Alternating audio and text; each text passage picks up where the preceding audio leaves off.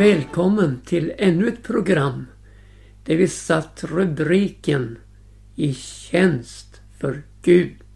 Vi har i de två sista programmen följt Mose i hans väg in i kallelsen. Hur Gud ledde honom från barndomens dagar och in i uppgiften. Och vi ska här idag ta med något mer om just detta. Sist så talade vi om när Mose kastade staven ifrån sig och grep den igen på Guds befallning. Och vi eh, gick ut från då att det innebar vår egen förmåga. Att vi kastar den ifrån oss för att gripa den igen i underordnad betydelse. Att vi förstår att det är inte vårt verk men det är Guds verk. Och han som leder oss i uppgiften. Och det finns ännu en detalj i just detta. När Mose fick sticka sin hand in i barmen och den blev så som snö av spetälska. Ja, vi ska läsa där ifrån Andra Moseboks fjärde kapitel och jag läser från den sjätte versen. Och Herren sade ytterligare till honom Stäck din hand i barmen. Och han stack sin hand i barmen. När han sedan drog ut den, se, då var handen vit såsom snö av spetälska. Åter sa han, stick din hand tillbaka i barmen. Och han stack sin hand tillbaka i barmen. När han sedan drog ut den igen ur barmen, se då var den åter lik hans övriga kropp. Det är en mycket talande och undervisande bild som Gud använder i detta handlande med Mose. Först förstår vi att när Mose sticker handen in i barmen en första gång så visar den på vad som finns inne i hjärtat på just Mose. Den var vit som snö av spetälska. Och så får han bud då på att ännu en gång sticka handen in i barmen. Och nu var den fri från spetälskan och var som hans övriga kropp. Alltså återigen fick han sticka handen in i barmen. Och just detta återigen det talar om att bli född på nytt. För nog har vi alla fötts in i världen en gång. Och vi representerar som Moses i våra hjärtan syndens fördärv. I fråga om synd så är det så att naturen i vårt inre är synd. Så vi gör vad vi inte borde göra och det vi skulle göra, ja det uteblir. Men med den nya födelsen bli född på nytt så får vi en ny natur implanterad i vår inre värld som önskar och göra det Gud vill och som inte vill göra syndens gärningar. Vi kommer in i ett tillhörsförhållande till Gud. Och det gör att vi övergått från döden till livet. Från Satans makt och till Gud. Och blivit levande jorda i Jesus Kristus. Det är oerhört stort att få tillhöra Gud. Det finns inget i hela världen som kan gå upp emot just detta. Hur Jesus köpte oss till Gud med sitt blod och betalade det fulla priset för att vi skulle få övergå från döden till livet. Och i denna nya natur som vi har mottagit vid den nya födelsen ligger inlagt viljan att tjäna Gud och hans son Jesus Kristus. Jag sa att det är oerhört stort att få tillhöra Gud. Och tänker du, det är också oerhört stort att få tjäna Gud. Ja, inget kan mäta sig med detta. Så blir tjänsten ett uttryck för vårt tillhörsförhållande. Vi kan också säga så. Tjänsten utspringer av vårt tillhörsförhållande. Det blir alltså naturligt för oss att tjäna Jesus. Paulus han uttrycker det som det bör vara i en kristens liv. Den Gud som jag tillhör, som jag också tjänar. När vi i förra programmet talade om de trådar Gud la ner i våra liv redan i moderlivet. Hur han sammanvävde oss i vår mors liv. Och när vi föddes så hade vi alltså dessa trådar. Detta som Gud lagt ner i våra liv. Det fanns där i födelsen när vi föddes. På samma sätt är det när vi föds på nytt. Gud har lagt ner underbara möjligheter i den nya födelsen i våra liv att tjäna honom. Och det är ju helt underbart att se en nyfrälst med ett brinnande hjärta som träder in på det här området för att tjäna Jesus. Och denna låga får inte dö ut utan behöver hållas brinnande livet igenom. Så skall vi gå vidare med Mose, hans väg in i kallelsen, hans väg in i uppgiften. Han hade fått veta att Gud ville använda honom. Och det i en enorm uppgift. Han skulle gå till farao och få med sig folket ut ur träldomslivet i Egypten. För att i första hand hålla gudstjänst på det berg där Gud nu talade till honom. Men också i vidare mening mot ett land som flöt av mjölk och honung. Hur ställer sig nu Mose till kallelsen och till uppgiften? Ja, han är så lik dig och mig, precis som oss. Som vi brukar göra när Gud talar till oss och lägger en uppgift i våra händer. Och jag läser från Andra Moseboks fjärde kapitel och tionde vers. Då sa Mose till Herren Ack, Herre, jag är ingen talför man. Jag har icke varit det förut och jag är det icke heller nu sedan du har talat till din tjänare. Ty jag är ett trögt målföre och en trög tunga. Herren sa till honom Vem har givit människan munnen? Eller vem gör henne stum eller döv, seende eller blind? Är det icke jag, Herren? Så gå nu åstad, jag ska vara med din mun och lära dig vad du ska tala. Men han sa, Ack Herre, sänd ditt budskap med vilken annan du vill. Känner du igen dig? Ja, visst gör vi så. Det är ju så typiskt hur vi, du och jag, handlar när Gud talar till oss. Gud, han får sända vilken som helst, bara inte oss. Men som du vet, Gud, han insisterar.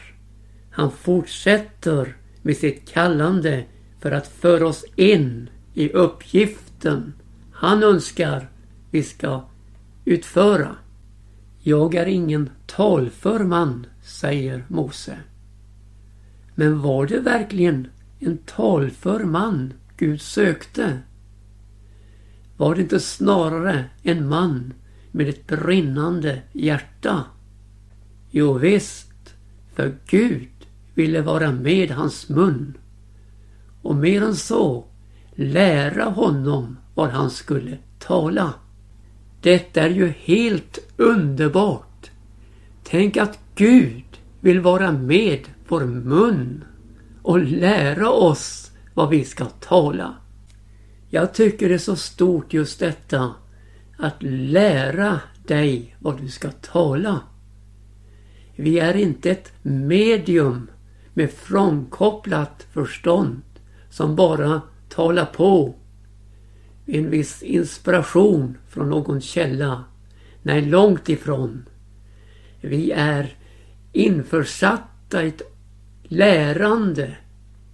Ja, en undervisning från Gud själv där han lär oss vad vi ska tala. Orden från Gud ska alltså beröra vårt förstånd och vårt hjärta.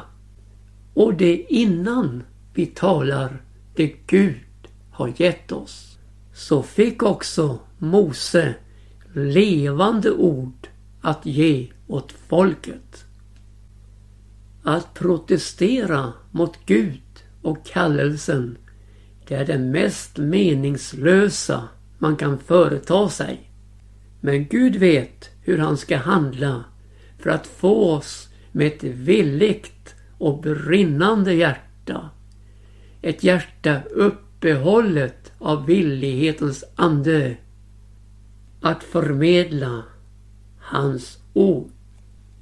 Och det är underbart stort att han inte ger upp men fortsätter gång efter gång och fortsätter igen, ja gång efter gång för att föra oss in i kallelsen, för att föra oss in i uppgiften från honom. Och i denna mörklagda situation som kristen förkunnelse befinner sig i. Där man talar om mig och mitt. Men inte om synd, inte om förlåtelse, inte om frälsningen i Jesus Kristus. Men bara förbättring, förbättring och förbättring. I denna förmörkade situation behövs inte predikanter stöpta i samma form, berövade sin originalitet och värre än så, berövade tron på Guds ord. Utan här behövs en återgång till Guds ord. Den helige Andes smörjelse och ord givna av Gud. Man tror sig klara sig med utbildning och en titel. Men var det inte ett budskap från Gud vi skulle förmedla? Och då måste orden ges av honom, komma från honom. Paulus, han uppmanar i Efesierbrevets sjätte kapitel och nittonde vers. Han säger så här. Bedjen och för mig att min mun må upplåtas och att det jag ska tala må bli mig givet så att jag frimodigt kungör evangeli hemlighet. För vad skulle jag är ett sändebud i kedjor? Jag bedjen att må frimodigt tala därom med de rätta orden. Ja, här förstår vi vikten av att ha det rätta budskapet med de rätta orden. Och de orden får vi fatt i i bön inför Gud. Och här får hela församlingen vara med att bedja fram, ja föda fram budskapet i bön inför Gud. Så har vi då följt Mose på kallelsens väg in i den uppgift Gud lagt i hans händer.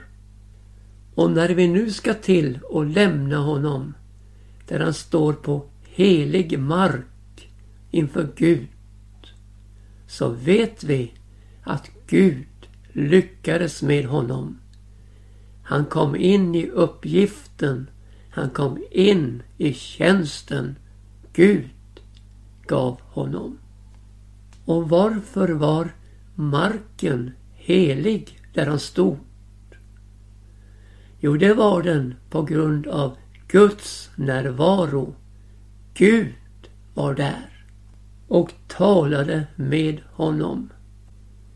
I början på den här programserien i tjänst för Gud så berörde jag att Gud kan inte använda stolthet och högmod.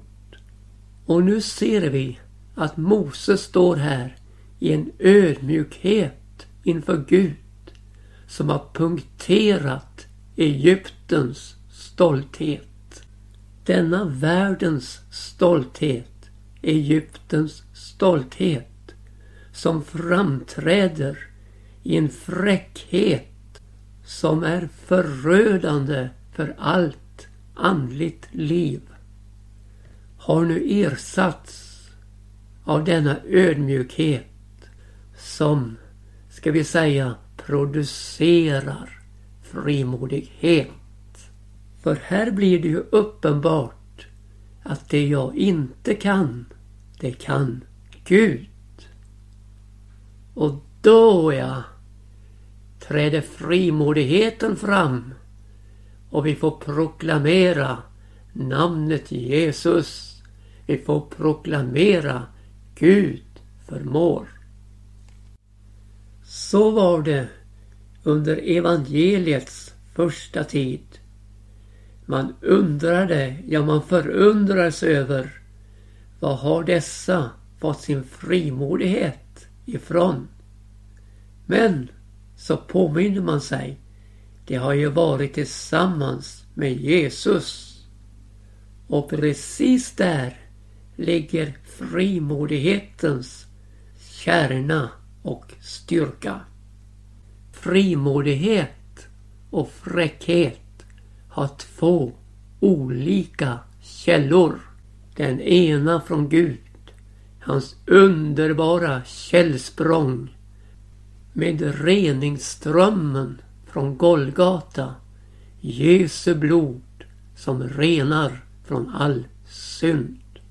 Fräckheten däremot har sitt ursprung från avgrunden, avgrundens brunn som står där och pyser i tiden och spyr ut sina fräckheter. Här behövs verkligen Guds ord, Guds livgivande ord, evangelium om Jesus Kristus, som inte är ett diskussionsupplägg där vi så att säga möts på halva vägen Nej, det är en proklamation, en predikan. Sanningens ord. Det finns så mycket av kompromiss, förkunnelse som kliar oss i öronen men som på samma gång berövar oss himlen. Som håller oss kvar i syndens grepp och förvirring. Men när evangelium om Jesus Kristus predikas, då kommer det till oss med sin förvandlande kraft.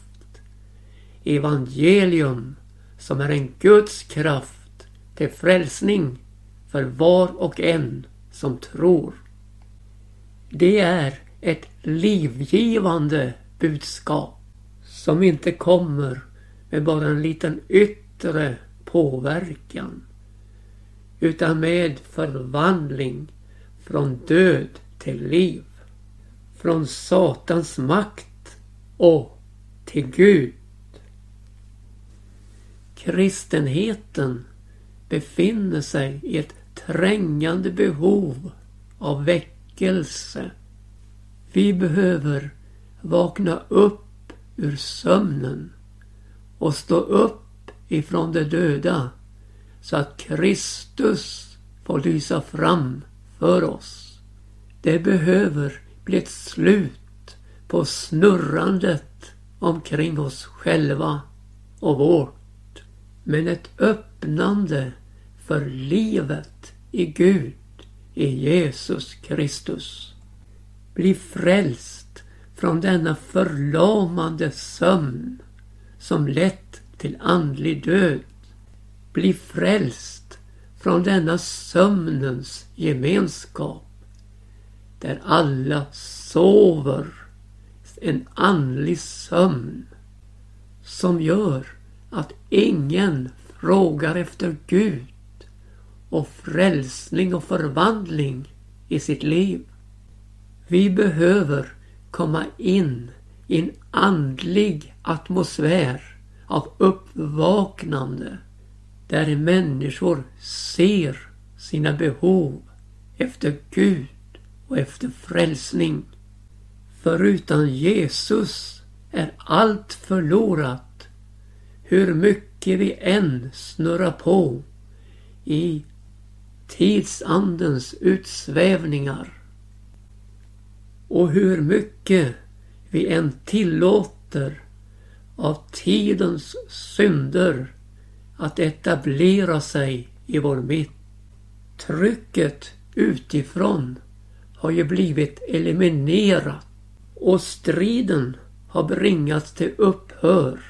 Därför att vi har tillåtit att denna världens tänkesätt har blivit etablerad i vår sinnevärld. Och denna tidsålders Gud har så förblindat inte bara världens människor men kristenheten också att man inte ser det sken som utgår från evangelium om Kristi, Guds egen avbilds härlighet. Ja, med en sådan blindhet så blir det mörkt. Inte bara i lokalen i kyrkan men också i hjärtana. Och det hjälper inte med det artificiella ljuset med strålkastarna mot scenen och det lila ljuset till bakgrunden. Medan ljuset i lokalen bland folket dämpas. Ja, detta är en yttre föranstaltning som visar på ett inre bristande innehåll av andligt liv.